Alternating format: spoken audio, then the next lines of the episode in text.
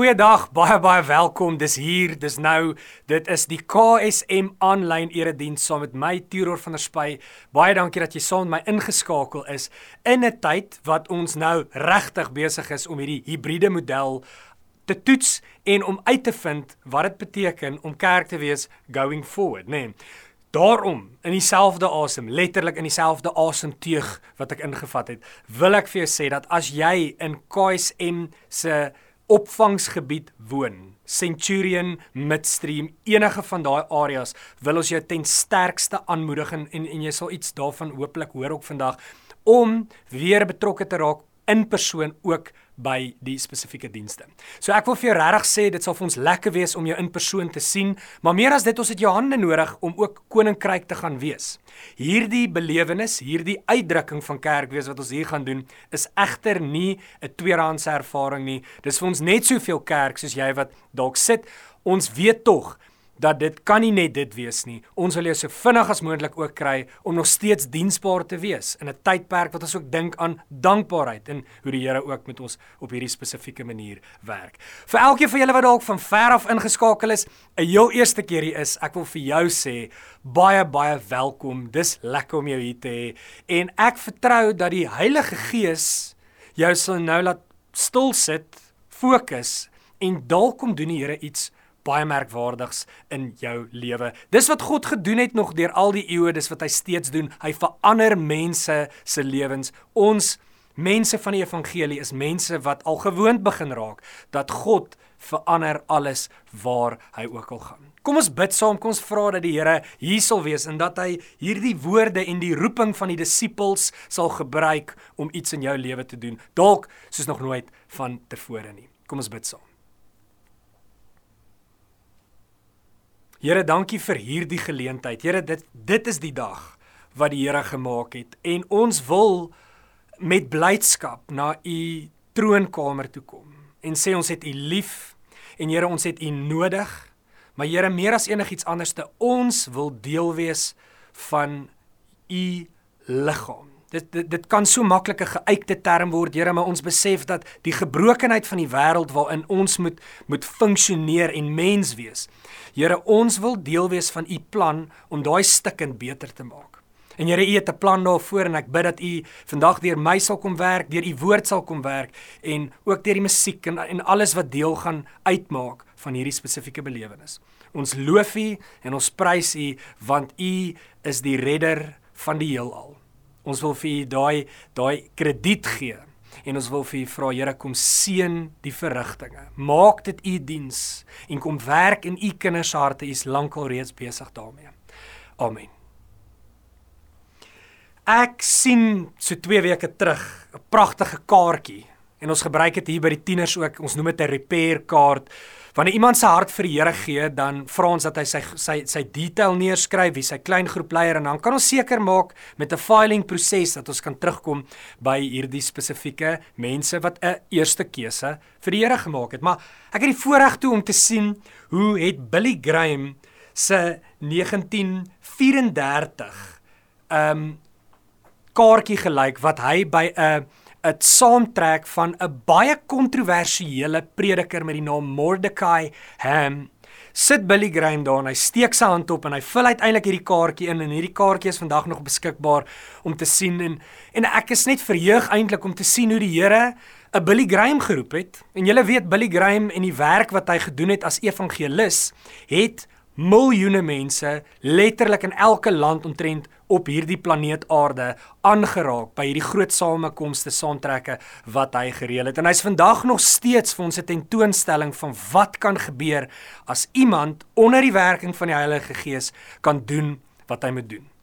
Die interessante ding wat jy dalk nie geweet het nie, is dat ja, 1934 steek Billy Graham vir eerste keer sy hand op, maar eers in 19 hoor dit, 1949 is die eerste keer wat Billy Graham amper in staat gestel word deur wat die Here met hom wil doen om kragdadig te begin preek en om te begin met 'n bediening wat mense van heinde en verre sou opsweep om Christene te word en deel te word van God se mense. Maar hoor die tydsverloop wat uiteindelik plaasgevind het. Nou in hierdie met, met, met hierdie inleidende storie dink ek ook aan ons gebeds netwerk wat ons ongeveer 2 jaar lank nou al hardloop waar ons elke liewe aand van 'n Sondag tot 'n Donderdag van 10uur tot 11uur mense het wat saam bid. Of dit vir herlewing is of dit net is om God te loof en te prys of dit in krisistye is en ons ons smeek regtig die Here vir deurbrake maar ons het in 'n gewoonte gekom om aan te hou bid. En en Dinsdag wat verby is bid ons toe nou juis vir hierdie geleentheid. En ek sê toe maar kom ons gebruik die geleentheid om terug te dink aan jou eie belewenis van waar jy jou hand vir die heel eerste keer opgesteek en gesê het Jesus ek volg u En ek onthou baie goed want ek vertel die storie gereeld um hoe belangrik my merkwaardige oomblik was in graad 10 aan die einde van my graad 10 jaar op 'n winkelspruitkamp. Johan Smit het aangebied en hy het gesê as daar enige iemand hier sit wat sy hart vir Jesus, wat sy lewe vir Jesus wil gee, staan En ek kon onthou baie goed hoe ek gestaan het vir die eerste keer in my lewe. Dis wat ek toe gedink het, um om te sê Jesus, hierdie is my lewe en ek wil alles vir U gee. Toe ek egter in die gebedstydperk aan dink toe, toe is dit vir my baie merkwaardig om eintlik te sien dat dit was nie die eerste keer wat ek my hart vir die Here gegee het nie.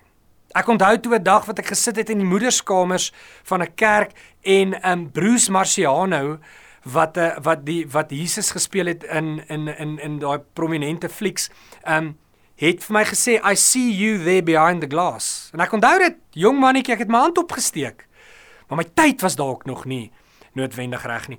Ek onthou ook 'n keer by Hatfield Christian Church waar ek gesien het hoe strong men hierdie ouens telefoonboeke opskeer en aan die einde het hulle gesê luister, is daar iemand wat hulle krag in Jesus wil sit en Teodor het weer sy hand opgesteek en gesê: "Here, kom doen iets in my lewe."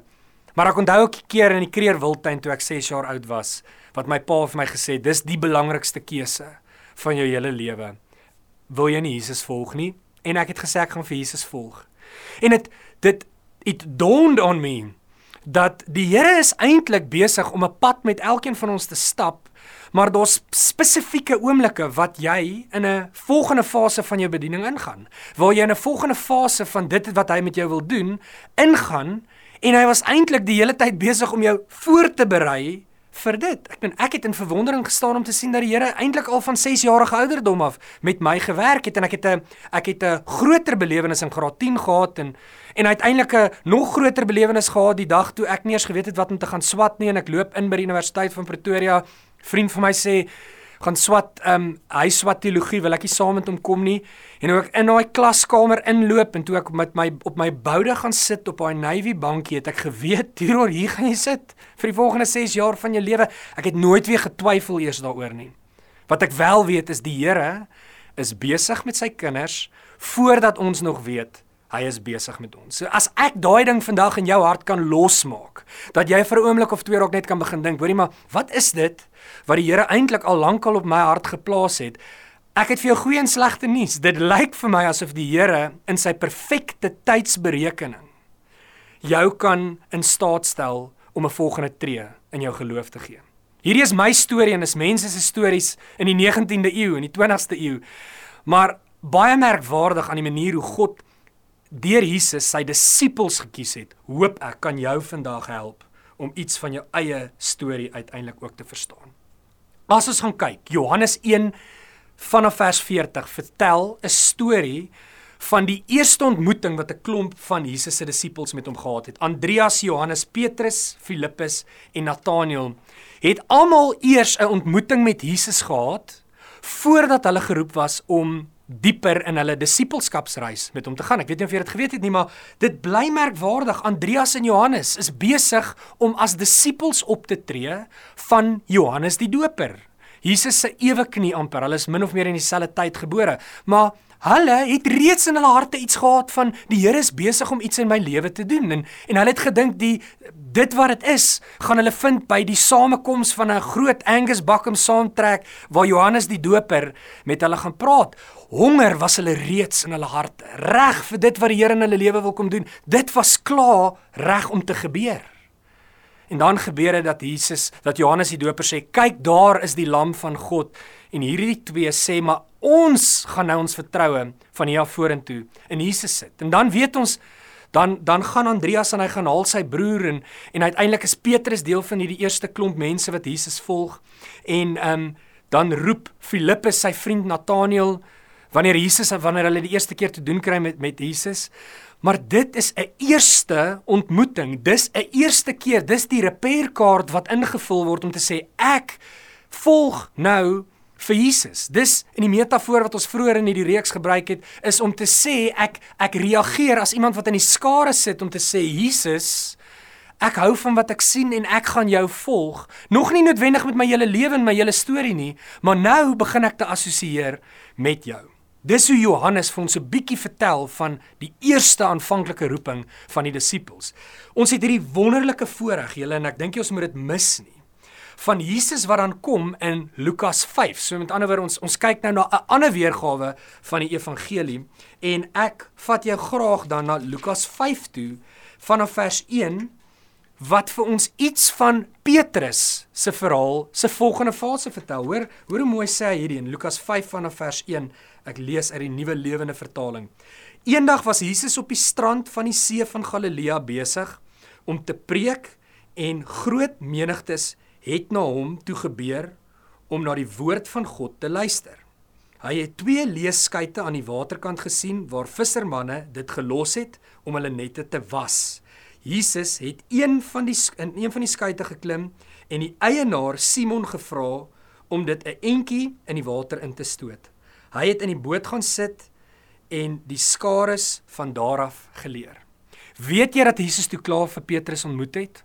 Het jy geweet dat hy klaar dat dat Jesus en Petrus klaar in 'n ek wil amper sê 'n platoniese verhouding met mekaar was en dat van hier af het Petrus nog glad nie radikale drastiese besluite in sy lewe geneem nie. Het jy dit besef? Hy het nie 'n besluit geneem om Jesus met alles in sy lewe te volg nie. Nog nie maar hy het gesê ek assosieer en ek luister na die na die na die leringe van Jesus. Ek luister na wat Jesus vir my kan leer en wat ek uit sy lewe uit kan leer. Hulle verhouding het al op tot op so 'n mate ontwikkel dat daar eintlik 'n baie merkwaardige ding gebeur dat Jesus eintlik met vrymoedigheid vir vir 'n Petrus kan sê Petrus, ehm um, ja, jy's nog steeds in die visvang besigheid en en ja, jy verstaan die die game en jy weet hoe om jou jou boeke te laat klop Petrus, maar by the way kan ek gou vinnig op jou boot staan. Dit dit is amper 'n platform wat ek kan gebruik as ek by die mense wil praat omdat hulle vriende was. Ja, sure Jesus, my vriend my kennis, iemand wat ek van nader af leer ken het oor die oor die laaste tydperk. Kom en kom doen jou ding. Dis in daai tyd en en hoor mooi, hoor mooi hoe ontwikkel hierdie verhouding. Dis in daai tyd wat Jesus dan vir Petrus sê, Petrus, daar's 'n volgende fase van dit wat ek met jou lewe wil kom doen wat nou net aangebreek het. Is dit nie merkwaardig nie? Daar's iets nuuts wat ek wil kom doen in jou lewe en die tyd is nou. Jesus kom doen 'n wonderwerk en wys vir hom hoorie sommer maar visvang is iets wat jy mee gesukkel het op hierdie oomblik. En dan vertel Lukas 5 die storie gooi jou net aan die ander kant. Dit was nie die regte tyd van die dag noodwendig om vis te vang nie. Trek hierdie massas visse uit. En Petrus besef in een oomblik met een goddelike ontmoeting dat hy is bereid om alles te los wanneer Jesus dan vir hom sê Petrus Ek roep jou eintlik om vissers van mense te wees en om nie meer eintlik net alleen vis te vang nie. Wat doen Petrus? Petrus en die eerste disippels kom, hulle los alles wat hulle gehad het.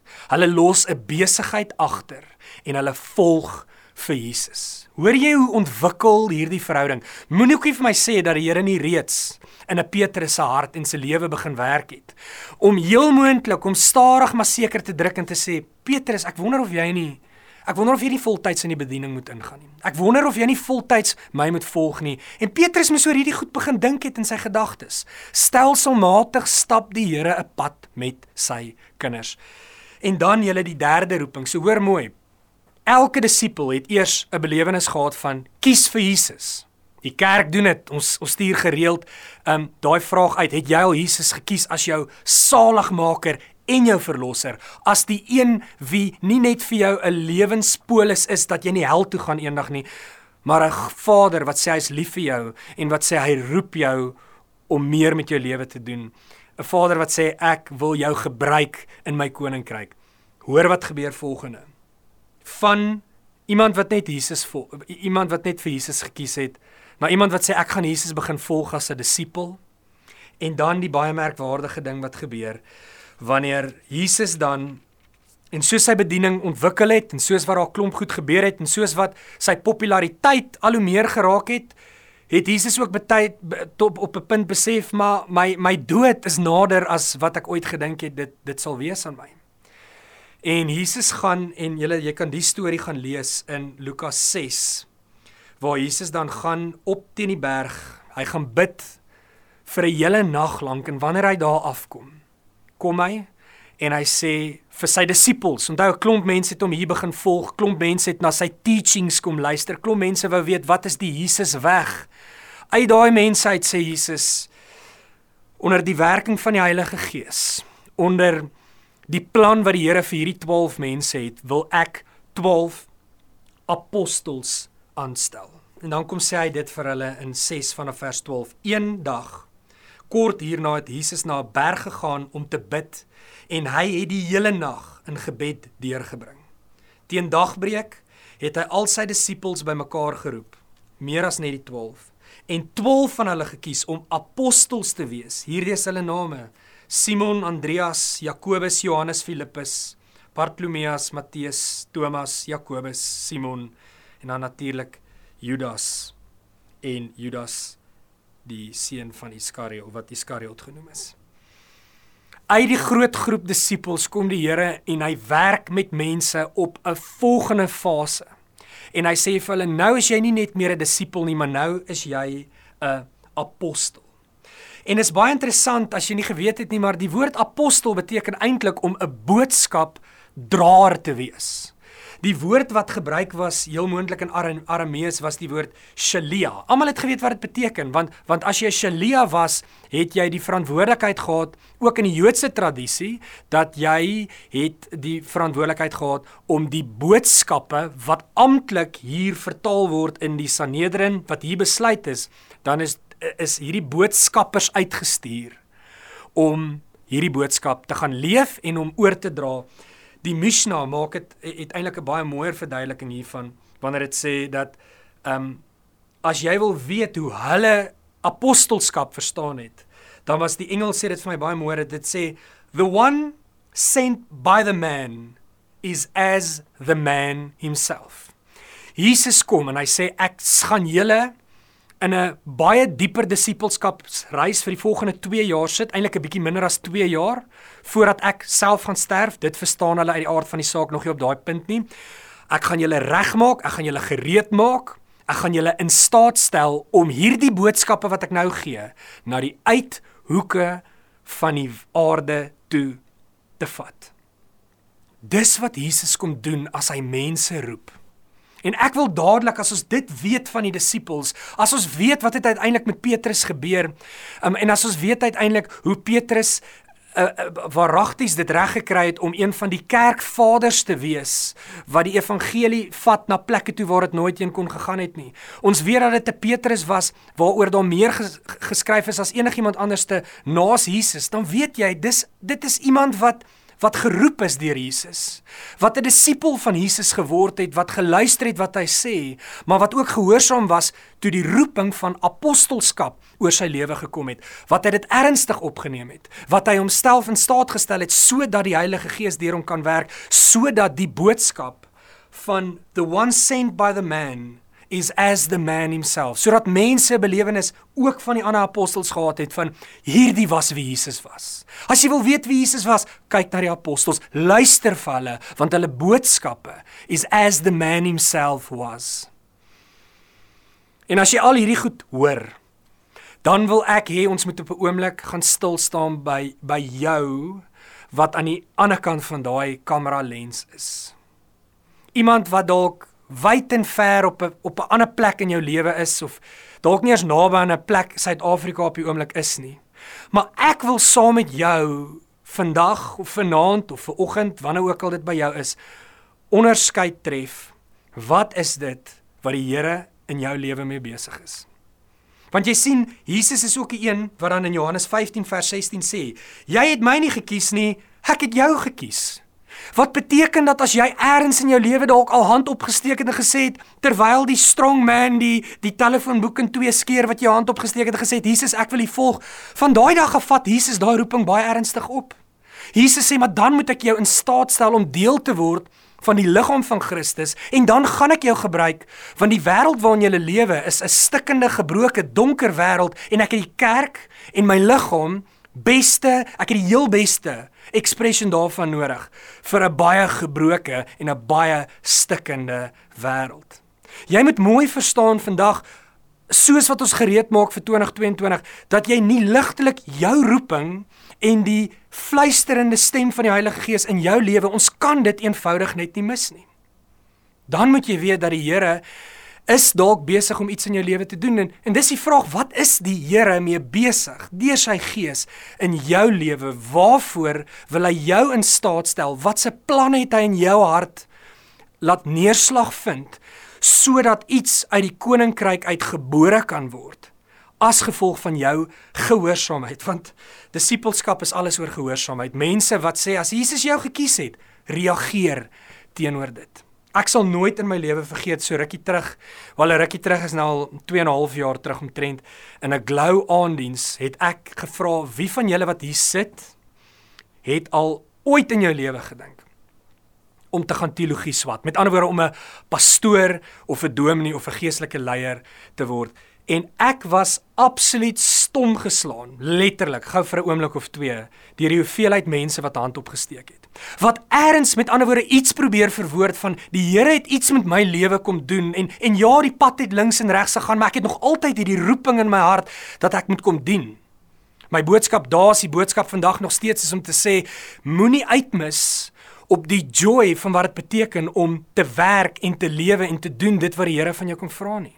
Want ek is vas oortuig hy's besig nog steeds vandag om mense op te roep om in sy koninkryk te kom werk. En dis hoekom ons gesê het as as jy in die Centurion groter Centurion area is en jy beskou jouself as deel van die KSM storie en familie, dan wil ek jou van vooraf kom vra vandag, waar trek jy op hierdie spektrum? Waar is jy tussen die dag wat jy tot bekering gekom het en die dag wat die Here jou wil uitstuur om 'n apostel met 'n baie bepaalde boodskap te wees vir bepaalde mense? Ons sit met massas kinders en tieners wat sê Ons is hier en ons wil disipel word en ons wil weet wie die Vader is. Ons wil geleer word wat dit is wat jy aan die ander kant van hierdie skerm dalk reeds weet. Ons wil hierdie goed gebruik en ons wil 'n verskil in hierdie wêreld gaan maak. Mentor my, disipel my, stap die pad saam met my. Van kinders wat uit gebroke huisgesinne uitkom, wat nie weet hoe 'n mansfiguur lyk wat sy sout werd is nie. Hoeveel paas in ons gemeente sit hier wat wat 'n pa vir 'n klomp ander kinders of 'n klomp ander tieners kan wees? Gaan daai uur of 2 uur of 3 ure van jou week gaan dit soveel skade aan jou storie maak en aan aan jou ander doelwitte wat jy wil bereik dat jy nie kan insien wat die Here deur jou lewe wil kom doen nie? Kan jy sien dat die Here dalk apostels vandag oproep? Kan jy sien dat die Here jou dalk wil gereed maak vir 'n volgende stap waar jy moet begin bedien? Hy het hierdie ding klaar in jou hart gesit en en dis eintlik vir die lekker ding van vandag is is om te weet dat alles wat ek vir jou hier vra, het die Here klaar eers in jou hart iets begin doen. Soos wat hy en sy disippels hulle harte voorberei het want hy het ons gekies. Ons het hom nie gekies nie. Nog lekkerder is om te weet dat soos wat ons mense oproep tot dienswerk uit dankbaarheid vir wat die Here in ons lewens gedoen het, soos wat ons mense smeek en sê hoorie maar maar kom word deel van ons gasvryheidspanne. Kom gee 'n halfuur voordat jy self kerk toe gaan. Kom ons maak ons spasies oop en gewillig sodat mense wat ronddwaal en nog nie weet of Jesus vir hulle lief is nie, vir ons hulle met 'n gees van barmhartigheid kan intrek.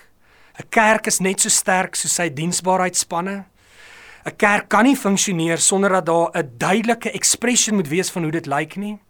Het die Here al met jou daaroor gepraat? Is daai ding dalk reeds lewendig in jou hart? Dan wil ek jou vandag vra om te reageer, om te doen wat die disippels moes gedoen het toe Jesus hulle by die naam geroep het. Wat as Jesus jou by die naam roep om 'n disipel te word? Iemand wat nie net meer dalk kerk toe gaan nie, maar wat sê ek wil nou die boodskap ook uiteindelik gaan uitleef. Wat is die goed wat die Here besig is in jou en in my lewe wat ons nie moet mis nie? Jy sien die Here is besig. Kom ek sê wat het ek gedoen? Ek het van my kant af gedoen wat ek net gesien het Jesus gedoen het. Jesus bid op twee verskillende plekke, een vir sy apostels, Here, kom stel hulle in staat en op 'n ander plek dan kom sê hy in Matteus 9 vers 37 en dit ken jy. Ja, daar's 'n groot oes en die arbeiders is min, maar jy mag bid dat ek mense se harte sal aanraak. En dis wat my gebed was voordat ek hier kom staan het vandag, dat die Here met harte sal praat om te sê in 2022 gaan ek myself diensbaar maak om deel te word van die liggaam van Christus. Om kerk te kyk, om kerk te luister oor dat dit vir my mooi is, is nie wat beteken om 'n volgeling van Jesus te wees nie. Dis 'n stap in hierdie proses, maar dit is nie wat die Here van sy kinders vra nie. Vir die plek waar ons leef, vir die wêreld waarin ons leef, het ons die liggaam so sterk moontlik nodig. So dalk is dit 'n 'n projek wat in jou hart leef. Dalk is dit 'n projek waar die kerk nog nie eens van weet nie. Goed wat leef in jou hart. Ons moet van jou hoor. En ons moet jou in staat stel om die beste uitdrukking van jouself te kom wees vir 'n gebroke wêreld. En en mag hierdie roeping van die disippels en mag die roeping wat die Here reeds oor jou lewe kom spreek het. Wat jy weet, as jy mooi gaan stil luister, dan weet jy, Here, U was eintlik lank al besig met my. Dalk is die tyd vir jou nou om 'n streef van gehoorsaamheid te gee, om te sê Here, ek gaan gehoorsaam wees. En ek weet nie Here hoe dit gaan wees om 'n klein groep leier te wees nie. Ek weet nie hoe dit gaan wees om in 'n selgroep te wees nie. Ek weet nie hoe dit gaan wees om by een van ons projekte te gaan dien nie, maar Here, dis ek.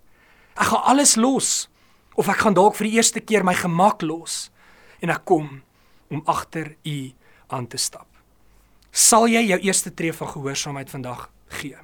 Daai tree van gehoorsaamheid vra baie eenvoudig om net www.koism.co.za in te tik op jou foon of op jou laptop of waar ook al jy is as jou heel eerste tree en daar sal jy sien is 'n baie duidelike blad wat desperaat uitroep en te sê vir die taak aan hande van dit wat die Here moet kom doen deur kerk sonder mure het ons jou hande en jou voete nodig soos nog nooit vantevore nie.